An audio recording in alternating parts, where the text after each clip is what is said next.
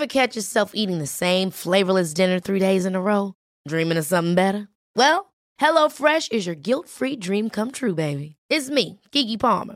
Let's wake up those taste buds with hot, juicy pecan-crusted chicken or garlic butter shrimp scampi. Mm. Hello Fresh. Stop dreaming of all the delicious possibilities and dig in at HelloFresh.com. Let's get this dinner party started.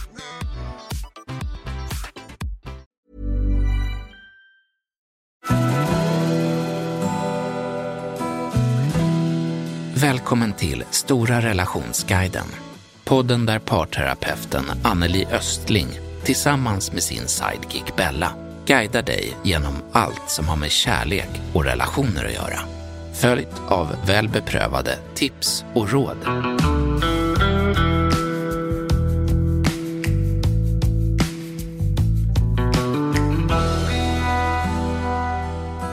Ibland blir livet inte riktigt som man har tänkt sig.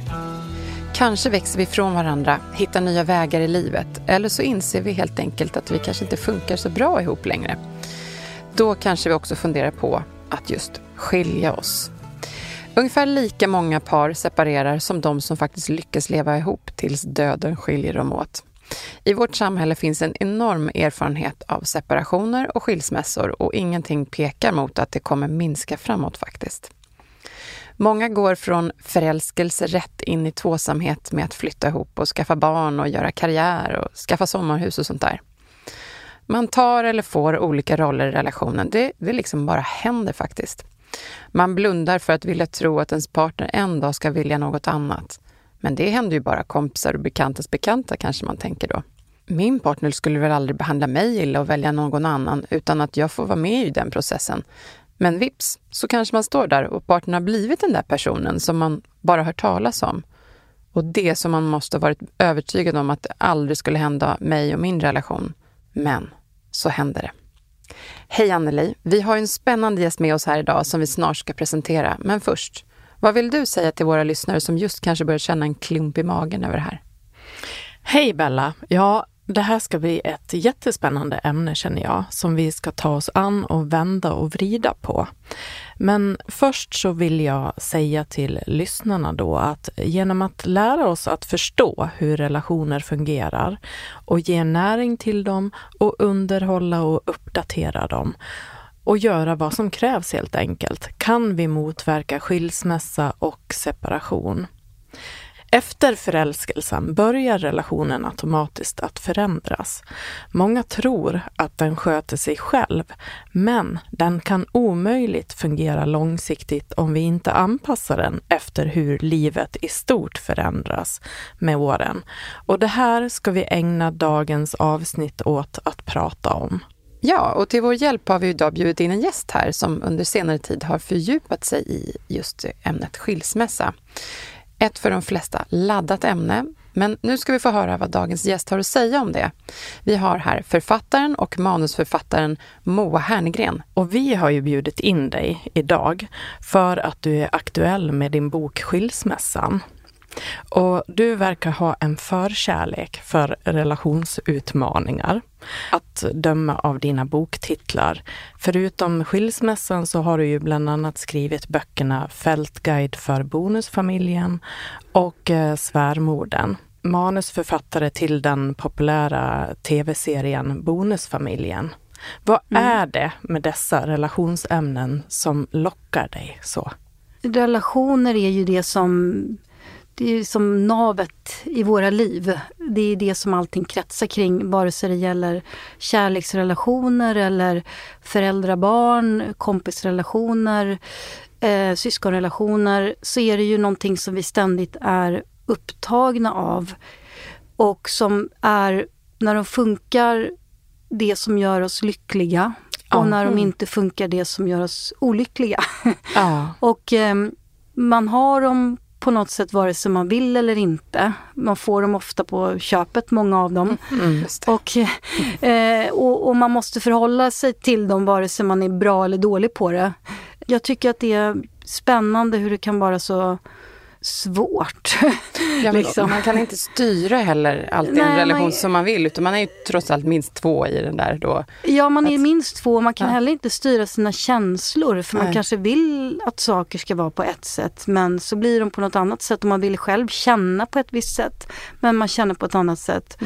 Så det där tycker jag, är- det slutar på något sätt aldrig vara intressant. För det finns så många, eh, många perspektiv, många mm, aspekter av relationer och eh, psykologiska mekanismer. och, och det är så mycket som spelar in hur Ja. våra relationer blir och varför de blir som de blir. Och, och ofta tror jag att vi är ganska omedvetna utan vi bara, det bara rullar på och blir lite vad det blir. Ehm, jag tror att är man, lite som ni varit inne på redan, om man är mer medveten om sig själv och sin, sin då relation och den man har relationen med kan, kan faktiskt förändra den och, och göra den bättre. Mm. Mm. Och sen, jag brukar tänka också så här, lika många människor, lika många sätt. Hela vår värld är Ja. full av alltså, alla olika personligheter. Ja, nytt möte med en annan, då är det, då är det ett nytt sätt. Ja, precis. Det finns liksom ingen så här. Nej, Och på något sätt så kan man säga att vi också blir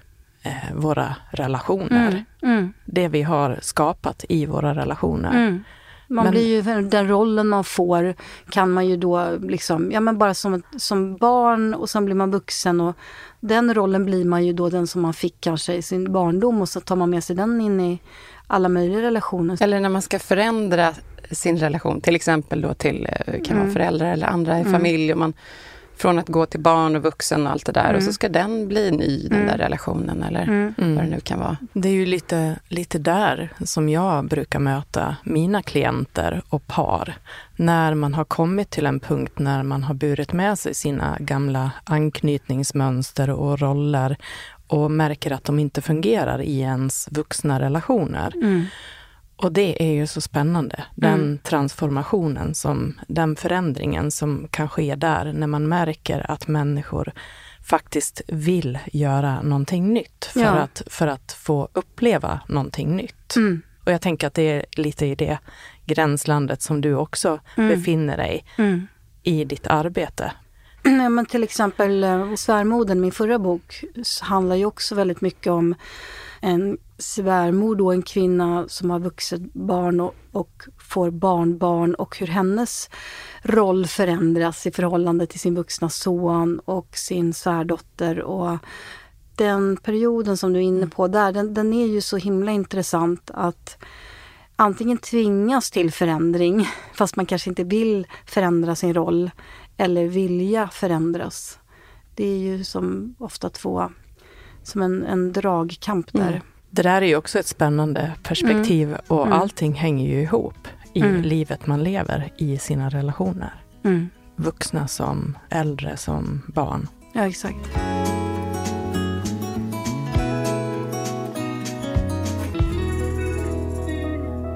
Nu tänkte jag att vi skulle prata om eh, din senaste bok, Skilsmässan.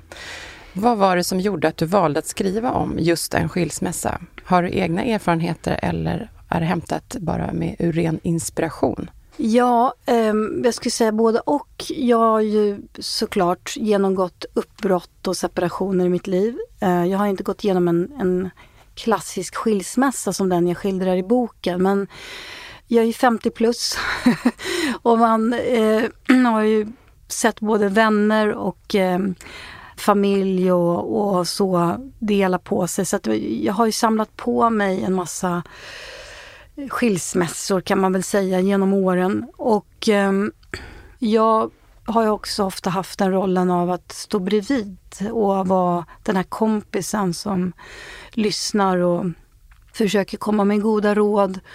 Och som vän får man ofta då höra den här ena versionen, man får liksom en sida av historien. Och Plus då mitt arbete med Bonusfamiljen, dels den här boken, faktaboken och sen tv-serien.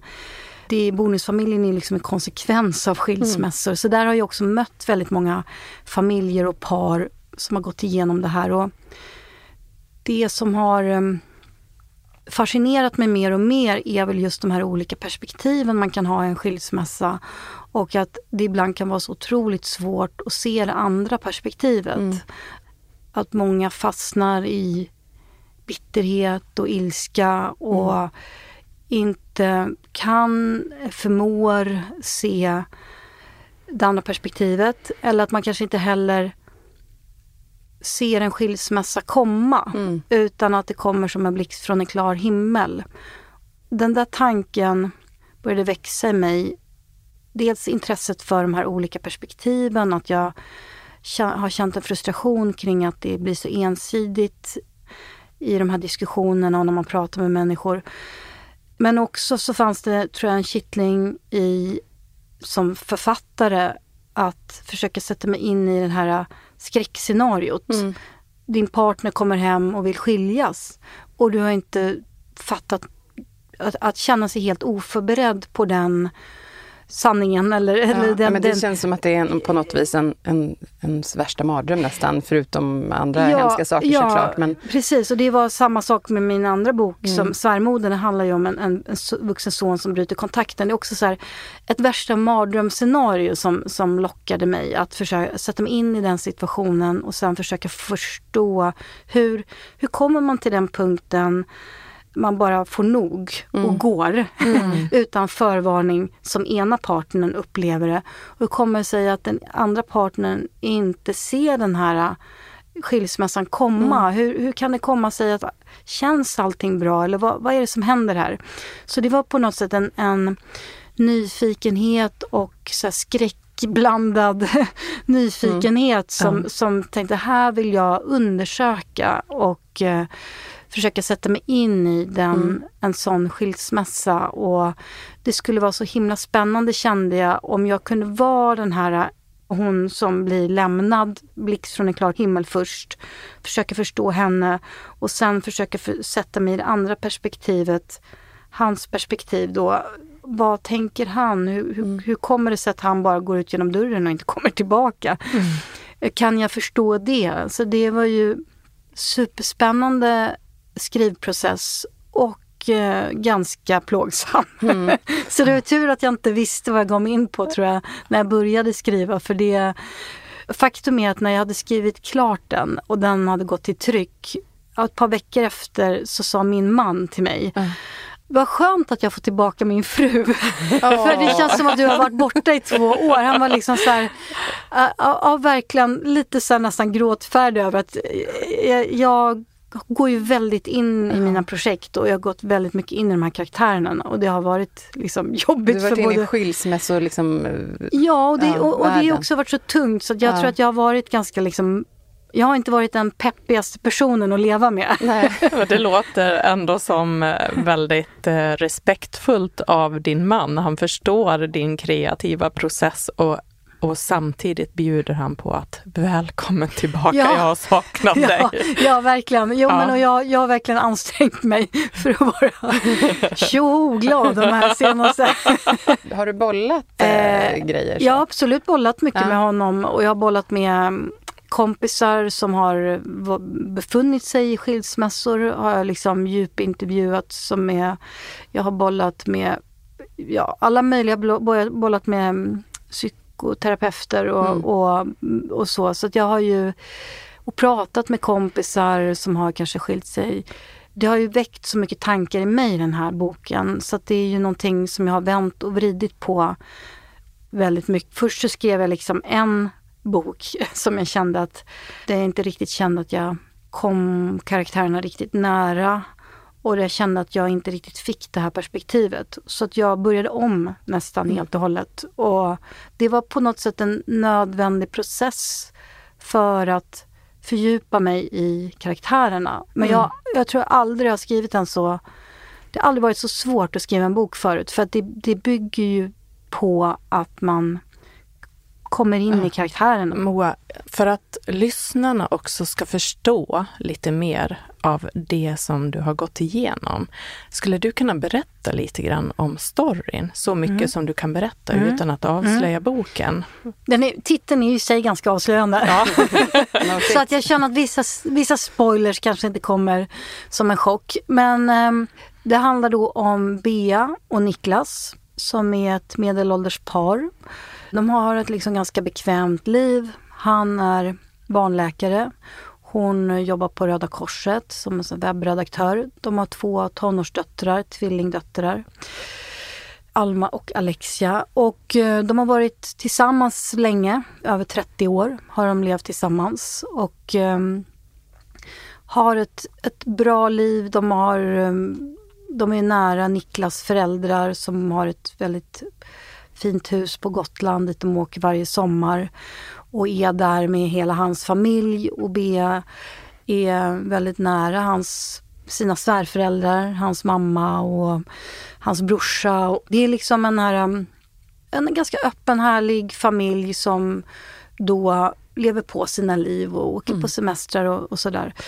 Ett till synes ganska privilegierat Ja, ett ganska par, privileg eller privilegierat par, absolut, skulle man kunna säga, som ägnar sig i alla fall en del till att liksom fixa lägenheten så att det ska bli liksom uppgraderingar i form av köksrenoveringar och man man har en bra bil och liksom allt sånt där som, som många ändå tycker är en viktig del av att liksom bygga ett hem då. Mm, att mm. Eh, vi kommer in i boken så har B och Niklas haft ett ganska bagatellartat gräl kan man säga. Alltså vardagligt tjafs om en praktikalitet kring semestern.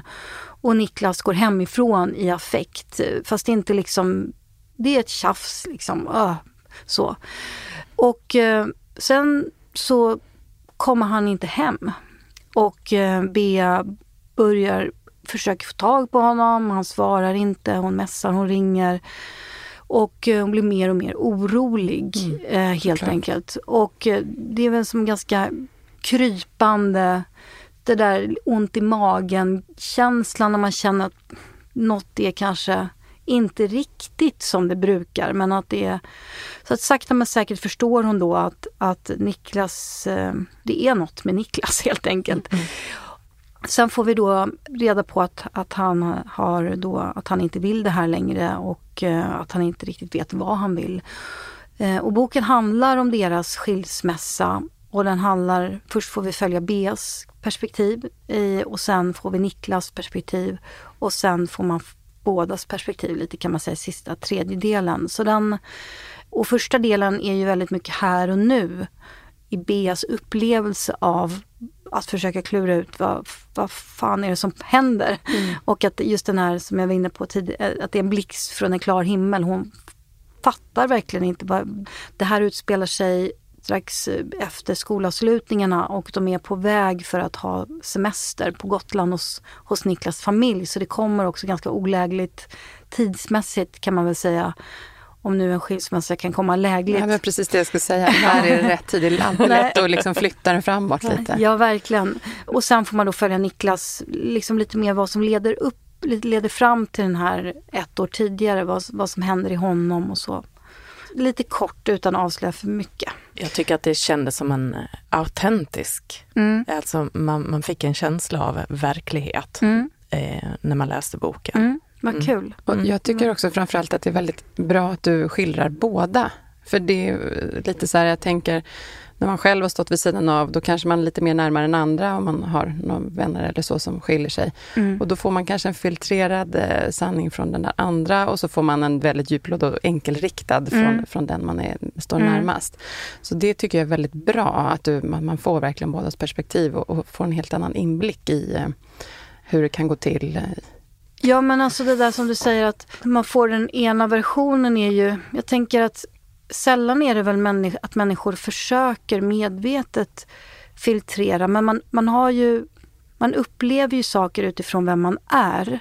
Och eh, som jag tänker att, att en, ett äktenskap är på det sättet, den relationen liknar lite en barndom, att man som syskon kan ha samma barndom men helt olika upplevelser av sin barndom. Och så kan jag känna att det är lite ett, en relation också. Att, att man, att man Mm. lever i samma relation men man kan ha olika upplevelser av den mycket beroende på vem man själv är också. Mm. Eh, och, och det tror jag också när man då eh, är i, ett, i en separation eller att man och man, man berättar sin version och sin tolkning av vad ens partner gör eller vad som har hänt så är ju det just eh, filtrerat genom vem man själv är, vad man har för bagage och vad man har för roll och känslor och därför kändes det så viktigt att, att försöka få fram hur, hur samma uppbrott faktiskt kan kännas så otroligt olika. Det var en bra liknelse. Jag har faktiskt aldrig riktigt tänkt på det så. Är det någonting under bokens process som har berört dig lite extra, som har varit eh, extra... Ja. Åh, det där var... en- Jag kunde inte skriva vidare. Eller du vet, något sånt där. Att det, eller åh, Ja. det knöt sig i magen. Eller, Det gjorde det nog hela tiden. Usch, två år av... Två år, Av nej, mag. det är väldigt svårt. Ja, jag ska inte säga att det liksom är... Nej, det Nej. går inte att peka ut någonting för att en, en textmassa, det, det är som... Det är, ju, det är ju verkligen som, man går igenom en skilsmässa så, så går man igenom en, en bok, när man jobbar med en bok, så många olika faser. Så att det, det är väldigt liksom, men det är klart att vissa saker är väl kanske mer smärtsamma än andra att försöka försätta sig i. Som när till exempel Bea förstår att han inte vill mer eller, eller kanske ännu värre när hon börjar den här tiden innan man förstår vad är det som händer. Man har ont i magen men man vet inte riktigt vad som... Att det är någonting är fel men man kan inte riktigt förstå vad det är. Och vill, frågan så här, vill, vågar man? vågar Vågar man man, ställa den man? frågan? Just den där liksom lite så här, lite lätt illamående, man kanske inte får i sig så mycket mat och, Ja. och bara en, en känsla av att, att, att marken gungar under en. Den känslan var kanske inte så kul att sätta sig in i Nej, och försöka vara i de där. Men, men samtidigt så tycker jag att alla de här olika faserna och delarna av boken var ju spännande och eh, svåra på olika sätt. Och eh, samtidigt så är det ju också ett, ett hantverk. Eh, det är ju mycket liksom att skapa scener, att hitta på scener, att liksom det, det fiktiva är ju lustfyllt samtidigt. Så att det låter ju liksom, det är inte som att jag bara sitter och plågas när jag skriver utan det är ju, det är ju en lustfylld process av att bygga en, en dramatisk struktur och en berättelse som ska engagera och fånga. Hur kan jag, hur kan jag liksom maximera fallet här för en karaktär? Man vill ju göra det så svårt som möjligt för dem. Man vill att de ska genomgå en karaktärsutveckling. Så det handlar ju, det är också så eh, väldigt mycket hjärngympa av att liksom po- portionera ut saker och, och maximera karaktärernas eh, eh, konflikter och person, liksom, karaktärer, karaktärsutveckling. Och jag tyckte också det var väldigt kul att bygga karaktärer som skulle ha många lager i sig och många liksom eh, att, det, att, att göra en mer, en mer komplex historia. Ja, men det är ju intressant det där som du säger. Det mesta har ju en början och ett slut. Och, och vad som händer däremellan, det, det, det kan ju vara eh, vad som helst. Jag möter ju ofta par i den här situationen, de här, eller personer ska jag säga, som, som har fått beskedet att partnern vill separera eller skilja sig. Och det finns ju ändå något fint att vara med i den här processen och man kan förstå smärtan. Men eh, av någon anledning eh, så finns det ju en, en kraft till att det blir ändå, det går mot en, en förändring, någonting nytt som också ofta leder till någonting bra. Mm. Och jag tänker den här tjusningen av att sitta med manuset och, och liksom Mm. eh, brottas eller att det kan vara svårt men det är ändå på väg någonstans. Mm. Och det, det är ju precis som du säger, det, det har varit en viktig grej för mig det där att skilsmässor är ju och uppbrott och förändring kan ju vara väldigt smärtsamt. Men det är ju också allt sånt som faktiskt leder till de här bra grejerna i våra liv. Mm. Som vi orkar ta oss igenom de här äh, smärtsamma förändringsprocesserna där vi kanske måste säga saker till varandra som gör ont eller försöka ändra på så är det ju bra saker som väntar. Och um, det var någon som frågade mig häromdagen om det fanns lyckliga skilsmässor. Och min erfarenhet är att de flesta skilsmässor är lyckliga sen. Mm, exakt, måste... om, men längre fram. Ja. Men såklart är de fruktansvärda när man är mitt i. Men om man liksom tittar på sikt så är det ju, tycker jag, många, många bra skilsmässor som jag har sett i alla fall som leder till jättebra grejer livet, det, det, måste göra ont ibland.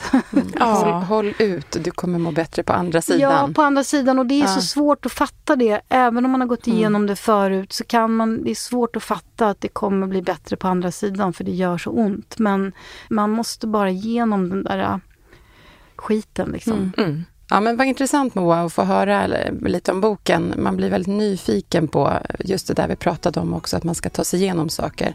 Att man också får det skildrat för sig i det här. Att vi fick sätta oss in lite i Bea och Niklas liv här.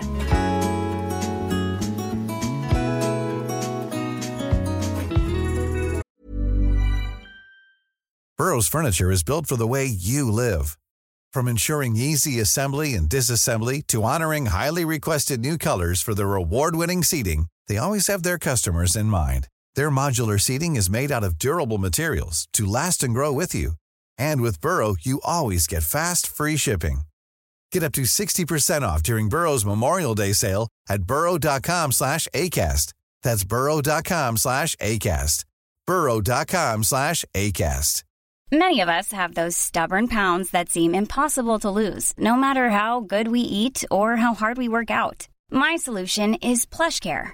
PlushCare is a leading telehealth provider with doctors who are there for you day and night to partner with you in your weight loss journey. They can prescribe FDA-approved weight loss medications like Wagovi and Zepbound for those who qualify. Plus, they accept most insurance plans. To get started, visit plushcare.com slash weight loss. That's plushcare.com slash weight loss.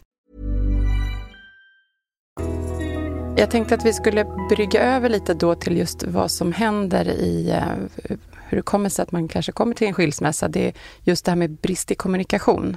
Att det brukar vara en, en, en sån tydlig grej. Varför mm. man inte kan kommunicera kanske helt bra med varandra. Mm. Uh, vad tänker ni om det? Jo, men jag, jag, tänker just det här att uh, hur det kan bli så att man har så olika bild av uh, relationen och upplever den så olika. Att uh, man har ju inte riktigt kommunicerat med varandra. Mm. Då är det svårt att, att veta vad den andra är. Och det, det är ju någonting som kan leda långt bakåt, att man under lång tid inte har kommunicerat. Ja, precis. Och, och, och, jag tänker också att när man kommunicerar eller försöker kommunicera, för jag tror många upplever att men jag har ju sagt det här till dig, jag har ju pratat med dig, jag har ju försökt att säga det här. Så, så är det ju inte alltid just att, att den andra då upplever det som kommunikation eller förstår vad det är som kommuniceras. För att vi säger så mycket mellan raderna. Det är inte säkert att det liksom går fram. Och sen tänker jag också att just det där när, när man kommunicerar så är det ju också så, så, så, precis som du säger att olika hur man tolkar det som sägs till mm. en. Så att om, mm. om, om du säger till mig eh, vilken speciell frisyr du har. Mm. Eh, och jag bara, jaha tack för den eh, liksom förolämpningen. Mm. Och så kanske du menar, den är speciellt fin. för du är så speciell för mig. Ja. Alltså att, att, det är liksom också så himla mycket vem, precis som den här boken då som jag skriver, Skilsmässan, så, så får jag ganska många olika tolkningar av boken och mm. upplevelser av boken. Mm. Och det beror ju lite på vem man är, mm. hur man tolkar deras olika perspektiv och för att man har med sig en massa erfarenheter och man har blivit sviken under sitt liv eller man har man kanske har en viss personlighet som gör att man är känslig för vissa saker och, och ja, det är så mycket som spelar in så man måste ju typ lära sig att, eller få hjälp att kommunicera med varandra, tror jag Mm. är ganska bra. För att det är, så, det är mycket svårare än vad man tror. Ja. Men då är det ju det att, att ta den hjälpen också, Mm. att komma fram till att vi behöver faktiskt hjälp här. Mm. Och det här är ju en del av min vardag som parterapeut, att många kriser startar av att man inte når fram till varandra i sin kommunikation. Mm. Och eh, eh, jag, jag tänker också att eh, när du har eh, gått igenom en, en relation så här i din bok, blir vi lata i våran kommunikation? Slappnar vi av och, och slutar lyssna och engagera oss? Jo, men det är ju inte så konstigt, tänker jag, att så, som till exempel Bea och Niklas då, har man levt tillsammans i 30 år. Man har en liksom eh, familjens eh, infrastruktur och man, det är logistik eh, kring all vardag. Grejer rullar på och man lär känna varandra, tycker man, tror man. Och man har ett liksom, det är, vi har det väl bra, det, det går ju... Så, att, så att det är som, då blir det ju kanske mest kommunikation kring, ska du eller jag handla, vad ska vi äta till middag, vad gör vi i sommar, hur ska vi göra med, med det eller det, det? Och nu, nu mår Alma inte så bra, kan du snacka med henne? Alltså att, det är väl inte så konstigt, tänker jag, att, att man att man liksom hamnar i en, i en lunk Mm. som inte egentligen är någons fel. Och att, att då i den lunken plötsligt börja så här... äh, Jag tror många inte ens är medvetna kanske om att de känner att något är fel. Utan det är sånt som kan smyga sig på att det bara plötsligt börjar kanske kännas lite tråkigt och tomt och man kanske inte känner sig glad men man vet inte varför för inget är ju fel egentligen. liksom, det är ju svårt. Så jag tycker inte heller man ska säga att man... Jag tycker ofta det är så här att man är... Att par får kritik för att de är just kanske lata eller bekväma men det ju, gäller ju inte bara parrelationer, det är ju vänner, föräldrar, barn. Det är klart att man hamnar i en, i en roll, i en rutin som är liksom som bara rullar på. Men jag, jag tänker på det här som du nämnde, att man just kanske behöver hjälp att lära sig kommunicera bättre med varandra. Eh, Det var någonting som jag upplevde under eh, min och min mans tid när vi gick i parterapi, att då lärde ju jag mig också hur han gärna, helst vill att vi kommunicerar kring just meningsskiljaktigheter. Och att, att han lärde sig hur jag, innan har vi bara kört på våra egna spår och vi har också varit tillsammans since forever, 25 år. Att man, och vi har ju förändrats på varsina sidor. Och liksom, Men sen kanske man också har lärt sig olika saker hur man vill ha det men inte kommunicerat just hur man vill kommunicera. Och då är det så här, gud, hur kan han gå på och göra på det där sättet? Eller hur, varför vill hon alltid prata när vi ska gå och lägga oss? Eh, och det där var sånt som vi helt plötsligt som vi belyste då, som jag kände helt plötsligt gav en ny skillnad. Jaha, nu ska vi också lära oss just hur, huret när man ska kommunicera. Vad, vad funkar bäst för honom? För om jag vill få fram någonting, då är jag intresserad av att det ska liksom Ja. funka där, när, mo- Det, det är ju precis i ditt eget intresse Ja. att försöka nå fram. Ja, så att det är just den där möta varandra som par i, i, i en kommunikation. Men om man inte orkar eller vågar eller lyfter de där grejerna, då kan det bara börja gå liksom åt olika, varsina håll. Ja, som du säger också att man utvecklas på olika sätt fast det märks inte. Alltså man, ja, man utvecklas ju, alla utvecklas ju, eller de flesta gör ju det bara genom att man blir äldre kanske. och att man, det händer saker på jobbet eller det händer saker i en själv och det syns ju inte. Nej. Så då går man där liksom och tror att man är ju liksom inte samma person och man har inte samma behov av varandra Nej. som man, när man träffades. När man möts då 25 år tidigare som ni, då kanske ni behövde vissa saker av varandra som du gillade att ge och han att få och tvärtom. Och sen har ju de behoven ändrats. Mm. Men det har ni inte pratat om antagligen. Nej. Och jag tänker ju att just eh, det där kan ju vara avgörande för utvecklingen av en relation. Bara det att man äntligen får kontakt igen, att man når fram med sin kommunikation kan ju betyda allt Mm. för utvecklingen av en relation. Mm. Det hade lika gärna kunnat sluta med skilsmässa där då. Faktiskt.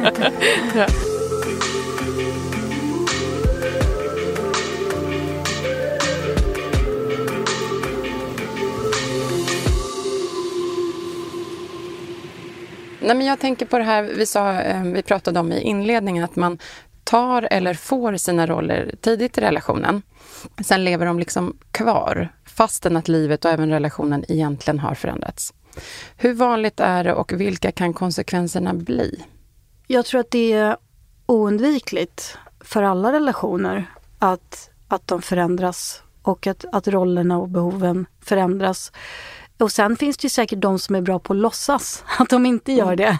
Och att man ändå håller fast vid de gamla rollerna och, och spelar det här den här rollspelet då. Eh, och kanske det man gör tills man trillar av pinn, liksom, utan att man någonsin pratar om det. För, för, en sak som jag tycker man glömmer bort är ju, alla pratar om alla dessa skilsmässor och så, men det finns ju även ganska många äktenskap som inte är lyckliga, mm. som, som fortfarande är med i statistiken som äktenskap, men det är ingen som vet, det finns ju inga undersökningar om hur lyckliga de här äktenskapen är, eller hur Nej. bra de är, eller kvaliteten på relationen och så vidare. Det är en bra, så, väldigt bra så, sak att säga faktiskt. Här. Så det, det, tycker jag inte, det är, inget, det, är inget liksom, det är ingen garanti att de här äktenskapen är bra bara för att de står med i statistiken som fortfarande är gifta. Mm. När det blir så här då, när man inte har följts åt under åren och bemötat sig med att förstå sin partner, var den befinner sig, kan man säga när blir det då just en fara för relationen?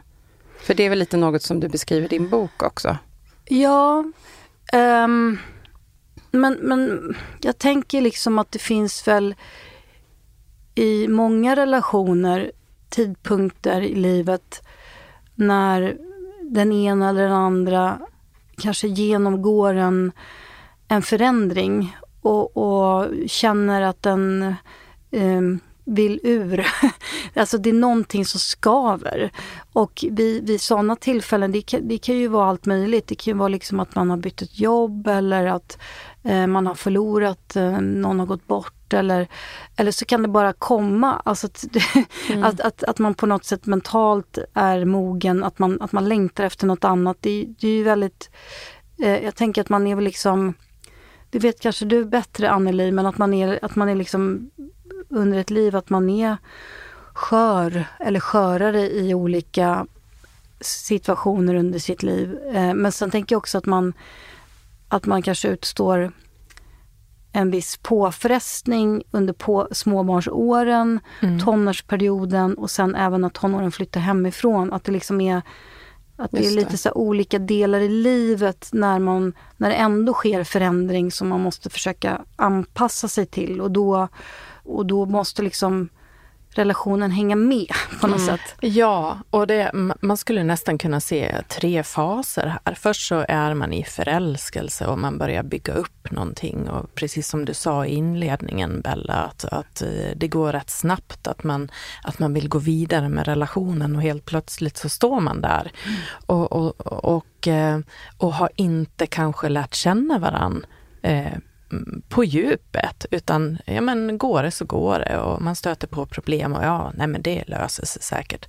Och sen, sen så har man vuxna barn och, och sen senare flyttar barnen ut och, och så står man där mitt emot varann. Alltså de här rollerna som man får ifrån början. Jag tänker att det är lätt om man inte är medveten och tar ansvar för att göra inventeringar ibland och mm. uppdatera sig, uppdatera sin relation för att det ska fungera med det liv där vi är nu. Och att också veta att man, att man någonstans har en gemensam bild av hur man vill att det här livet med relationen ska se ut. Sen kanske man har egna önskningar och drömmar också precis som du säger att det finns ju en del av det som är individen och sen finns det viet. Liksom. Mm. Mm. Hur vill jag ha det och vilka drömmar vill jag förverkliga hos mig själv och vilka, hur ska vi ha, vilka drömmar har vi tillsammans och hur ska vi leva vårt gemensamma liv? Att, att den där inventeringen som du nämner är så viktig. Och jag tror det gäller så mycket i livet att man bara tänker äh, det löser sig, det rullar på tills det verkligen inte gör det. Mm. mm. Mm. Och man tvingas ta tag i det på något ja. sätt. Och då kan man hamna i, ja. vid den där punkten när det blir en fara. Ja. Som du säger Bella. Att när det inte rullar på och man börjar få känslor av att relationen mm. känns tråkig eller att det inte finns någon energi längre i relationen och att man inte har kul längre tillsammans. Mm. Då, då kan det nog vara en fara mm. att man börjar öppna upp för någonting annat. Antingen eh, ett eget liv med, med sina kompisar eller vänner eller intressen. Eller att det helt enkelt dyker upp någon person som lyckas fånga ens eh, intresse. Mm, mm. mm. Eller få en att börja tänka nytt. Ja, att man är, man är väl mer mottaglig då för den, mm. den andra personer eller andra intressen under vissa då sådana kanske skörare faser när mm. relationen är i någon form av eh, mindre eh, energirik period, eller man ska säga. Mm, mm. Och det här var väl lite av det som hände också i boken med Niklas? Ja, det kan man väl säga, både och. Men, men jag tror också att det som hände mellan Bea och Niklas är också att de, de har fastnat väldigt mycket i roller som de, de har gett tagit. Man tar ju också roller mm. och man får roller. Och, liksom. Mm. och att, att liksom det som att Niklas inte riktigt tycker att, att han får det utrymmet han behöver och känner sig inte längre bekväm med den rollen han har. Mm. Alltså den kanske passade för honom när de var i 20-årsåldern. Men nu när han är 50 plus så vill han inte ha den längre. Och det tror jag också är vanligt att man kanske man, man eh, vill slå sig fri från den man har blivit eller att man, man inte tycker att man, eh, man har fått någon klisterlapp på sig bara. Så här, den här, det här är du nu liksom. Mm. Och så kanske det inte alls stämmer så bra utan att det var under, en, under några år där som det stämde. Jo, nej men jag tänker det här perfekt brygga över till att bli lite mer konkreta för lyssnarna. Kan man ge några specifika ämnen som man faktiskt behöver gå igenom och prata om i ett par? Eh, om man skulle just ha fokus på kommunikation, som har nämnts som bristvara. Vad är det då par skulle behöva prata om för att hålla sig ajour med varandra och livet? Nej, men jag tänker att det, det, det är många saker som, som är viktiga redan från början i en relation att prata om då, men att, att också det vi har sagt här, att, att uppdatera sig med livet. Att man kanske behöver titta över det här. Mår vi bra i, i den eh, ekonomiska situation vi är i. Tycker, känner båda sig stimulerade här? Eh, hur har vi det med eh, vårt sexliv? Har vi ens pratat om det? Och hur har vi sex med varandra? Och vilka drömmar har vi gemensamt och var för sig? Mm. Det här kan ju vara den här energin eh, som gör att man känner en mening i livet man har tillsammans som kan ge den där extra eh, motivationen och meningsfullheten av att faktiskt eh, helhjärtat välja varann varje mm. dag.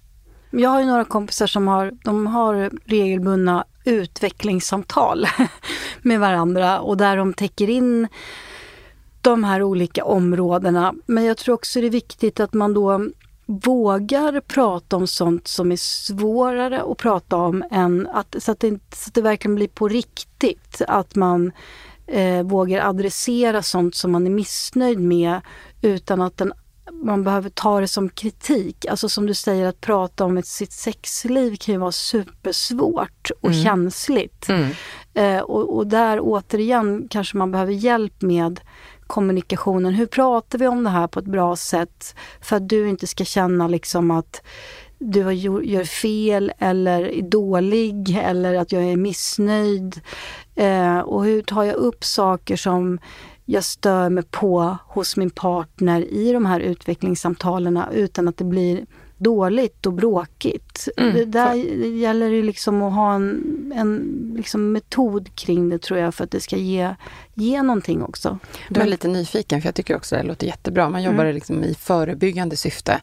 Eh, ja. Men gör de det helt själva eller går de till en parterapeut och gör det? Eh, de gör det på eget bevåg. Ja. Och, och, men det är också att jag tror att de som personer är öppna och har en förmåga att, att de är bra på att ta till sig kritik utan att Ja. det blir så här Pajkastning. pajkastning ja. och, och för känsligt att någon blir ledsen. Utan Mm. att, att, att det är ju också för, för deras relations bästa. Mm. Så att, att man måste försöka se det så att det här är någonting som vi gör för att för att vi verkligen vill att det ska hålla och att det är normalt att Mm. man tycker olika saker om varandra. Det är ju liksom, det är ju det en relation är. Man kan ju inte bara gå runt och tycka att allting är bra. Men att det blir liksom, det här pratar vi om för att det ska bli bättre.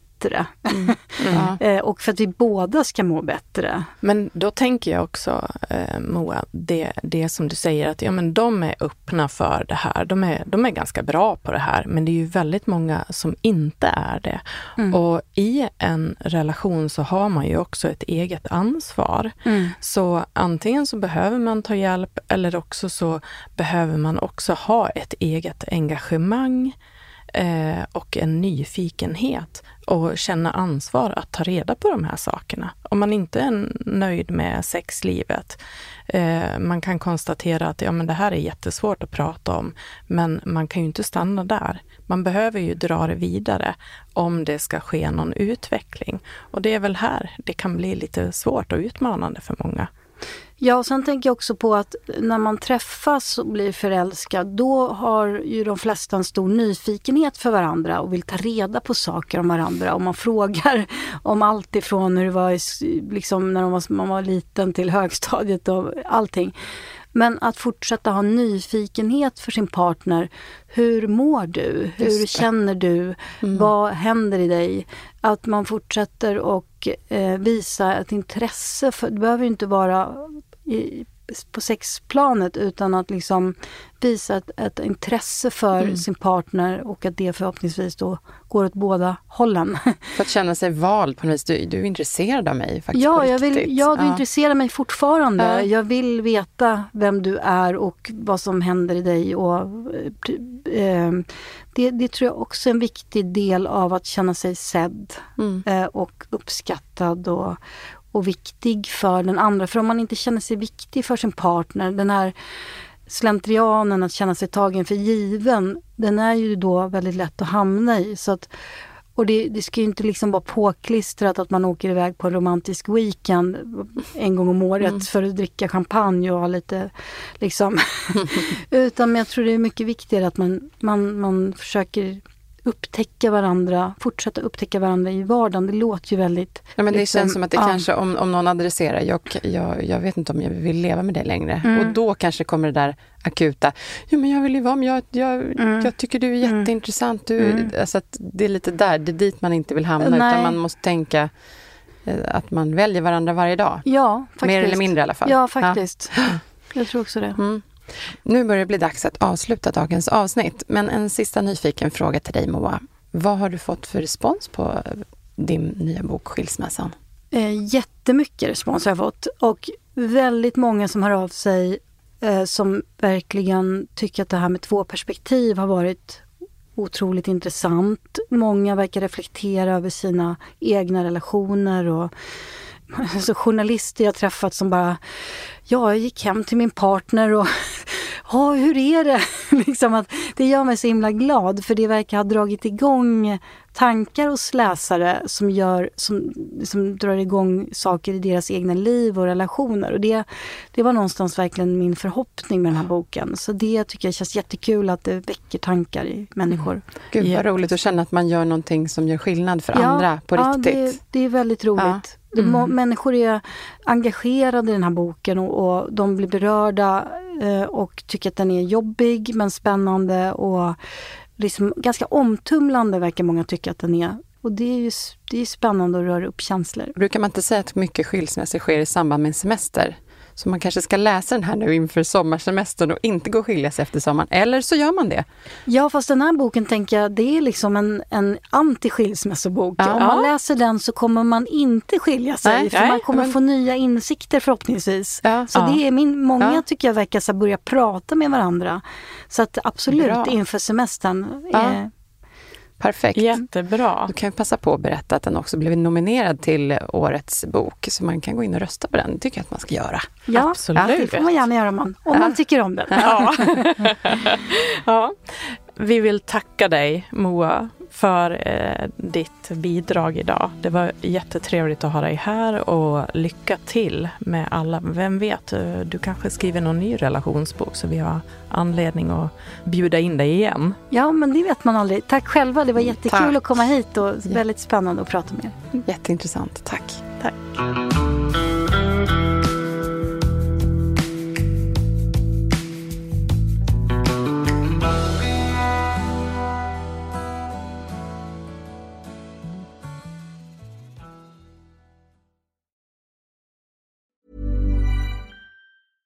Ever catch yourself eating the same flavorless dinner three days in a row? Dreaming of something better? Well, HelloFresh is your guilt-free dream come true, baby. It's me, Kiki Palmer. Let's wake up those taste buds with hot, juicy pecan-crusted chicken or garlic butter shrimp scampi. Mm. Hello Fresh. Stop dreaming of all the delicious possibilities and dig in at HelloFresh.com. Let's get this dinner party started. Planning for your next trip? Elevate your travel style with Quince. Quince has all the jet setting essentials you'll want for your next getaway, like European linen, premium luggage options, buttery soft Italian leather bags, and so much more. And is all priced at 50 to 80% less than similar brands. Plus, Quince only works with factories that use safe and ethical manufacturing practices. Pack your bags with high-quality essentials you'll be wearing for vacations to come with Quince. Go to quince.com slash pack for free shipping and 365-day returns.